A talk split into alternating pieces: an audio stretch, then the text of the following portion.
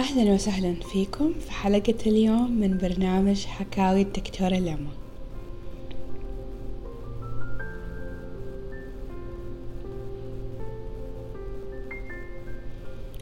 حلقة اليوم حلقة مرة مهمة ومطلوبة ودائما نتكلم عنها. هنتكلم اليوم عن تكيس المبايض. حتكون حلقة خفيفة بسيطة. حقول لكم المختصر المفيد.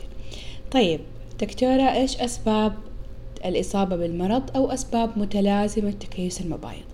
إلى دحين ما حد قدر يلاقي سبب واضح وصريح. بيقولوا ممكن عوامل وراثية عوامل بيئية حياتك نمط تغذيتك رياضتك. هذه الأشياء كلها ممكن تلعب دور بالإصابة بهذه المتلازمة. نجي لأعراض تكيسات المبايض أو متلازمة تكيس المبايض. نبدأ باضطرابات الدورة. إيش يعني اضطرابات الدورة؟ دورتك ملخبطة ما بتجي في موعدها بتجي مرتين في الشهر ما بتجي من الأساس بتجي كل ثلاثة أشهر أربع أشهر كميتها جدا قليلة. هذه الأشياء كلها تعتبر اضطرابات دورة شهرية. طيب العرض الثاني اللي ممكن يحصل كثافة في شعر الجسم وتساقط في شعر الرأس. الكثافة في شعر الجسم تكون شعر غير وبري. شعر سميك أسود مشابه لشعر اللي بيطلع تحت الإبط ومنطقة العانة. وبيكون في حوالين الفم حوالين الشفايف منطقة الشنب منطقة الدقن في الأماكن الذكورية. وزي ما قلت تساقط في شعر الرأس. العرض الثالث حب الشباب وبشرة جدا دهنية. العرض الرابع تأخر حمل. العرض الخامس سمنة أو زيادة في الوزن. العرض السادس تصبغات في الجسم وبالذات في الرقبة تحت الإبط ومنطقة العانة. والعرض اللي بعده وجود حويصلات متعددة في المبيض. أوكي. الحاجة الثانية اللي حابة أقول لكم عليها إنه هل أنا إذا عندي تكيس المبايض بيحصل تأخر حمل؟ أيوة ممكن يحصل تأخر حمل. لا ننسى في المية من اللي عندهم تكيسات في المبايض بيحملوا طبيعي بدون أي علاج أو أي تدخل من الطبيب سواء أدوية أو جراحة. لكن النسبة الباقية بيحصل معاهم تأخر حمل. طيب يا دكتورة ليش بيحصل معايا تأخر حمل بسبب تكيسات المبايض؟ ارتفاع هرمون الذكورة بيتدخل في عملية التبويض وإطلاق البويضة. فعشان تكيس المبايض بيحصل فيه ارتفاع في الهرمونات فهو بيتدخل في عملية التبويض طب متى أحتاج أعالج التكيس؟ ما تحتاج تعالج التكيس إلا إذا أنت عندك أعراض من هذا أو هذه المتلازمة يعني إذا عندك اضطرابات في الدورة حنعالج لك هي كذا في شعر الجسم حنعالج لك هي وهكذا طيب ليش لازم أعالجه؟ أنا عندي اضطرابات في الدورة لكن ما بتأثر علي يعني ما بتهمني أو عندي حبوب وما بتهمني. ليش لازم أعالج تكيس المبايض نحتاج نعالج عشان نقلل من نسبة المضاعفات اللي ممكن تحصل مستقبلا. حاعطيكم مثال. اضطرابات الدورة. يعني مثال إذا الدورة ما بتجيكي شهر شهرين ثلاثة أو بتجيكي كل شهرين ينتج عن ذلك سماكة في البطانة.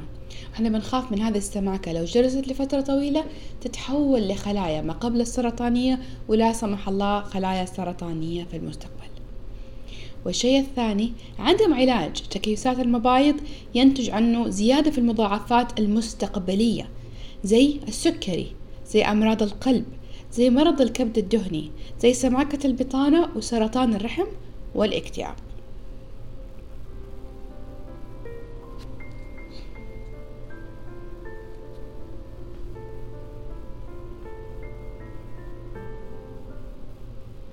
نجي لعلاج تكيس المبايض. دائما بنسأل هذا السؤال دكتورة إيش العلاج للتكيس؟ للأسف كل واحدة لها علاج مخصص لها. عشان كذا دائما بقول تحتاجي تزوريني في العيادة عشان أقدر أعطيك العلاج المناسب لك. العلاج يعتمد على كم عمر المرأة سمينة أو نحيفة إيش الأعراض اللي عندها وإيش أصلا يعني إيش الهدف من العلاج من الأساس. لما نيجي نقسم العلاج أو نتكلم عن العلاج دائما بتكلم عن علاج آه، مبدئي أو علاج عامة عامي لكل واحدة فيكم كل واحدة عندها تكيس. بنقول علاج ثابت لكل أحد اللي هو التغيير أو تغير نمط الحياة ونزول الوزن. طب دكتور أنا وزني ما هو زايد ليش لازم أنزله؟ إذا وزنك ما هو زايد ما يحتاج تنزليه لكن تحتاجي تغيري نمط حياتك الغذائي والحركي. يعني في أكلات معينة حقول لك تمتنعي عنها في رياضة معينة أو حركات معينة أو رياضة أو خطوات تحتاجي تعمليها طيب آه تحتاجي تقللي من مقاومة الأنسولين. كيف يعني أقوم أقلل من مقاومة الأنسولين؟ تحتاجي تنامي كويس من ستة لثمانية ساعات أعطيكي لستة أكلات ممنوع تاكليها زي الجلوتين زي السكريات زي الصويا وأشياء مرة كثيرة ثانية. ممكن أحتاج أعطيكي جلوكوفاج إذا كتلة الجسم أكثر من خمسة وعشرين. وكمان نحتاج في بعض الأحيان نعطي vitamins تقلل من مقاومة الأنسولين زي ال inositol alpha lipoic acid وكثير غيرها وبعض الأعشاب المثبتة علميا للتقليل من هرمونات الذكورة زي البردقوش وكمان القرفة بتقلل من مقاومة الأنسولين. وآخر علاج اللي هو العلاج اللي هو لكل شخص له علاج خاص فيه اللي هو على حسب الشكوى اللي عندك. يعني إيش؟ يعني إذا أنت عندك اضطرابات في الدورة الشهرية عندك كثافة في شعر الجسم أو عندك حب شباب في هذه الحالة حاعطيكي موانع حمل. وفي موانع حمل أفضل من غيرها وتساعد على تقليل هرمون الذكورة أكثر من غيرها زي الياسمين والياس بلس. طيب إذا أنت عندك تأخر حمل هقول لك نحتاج نحولك لطبيب تأخر حمل عشان يبدأ معاك تنشيط في المبايض أو أطفال أنابيب.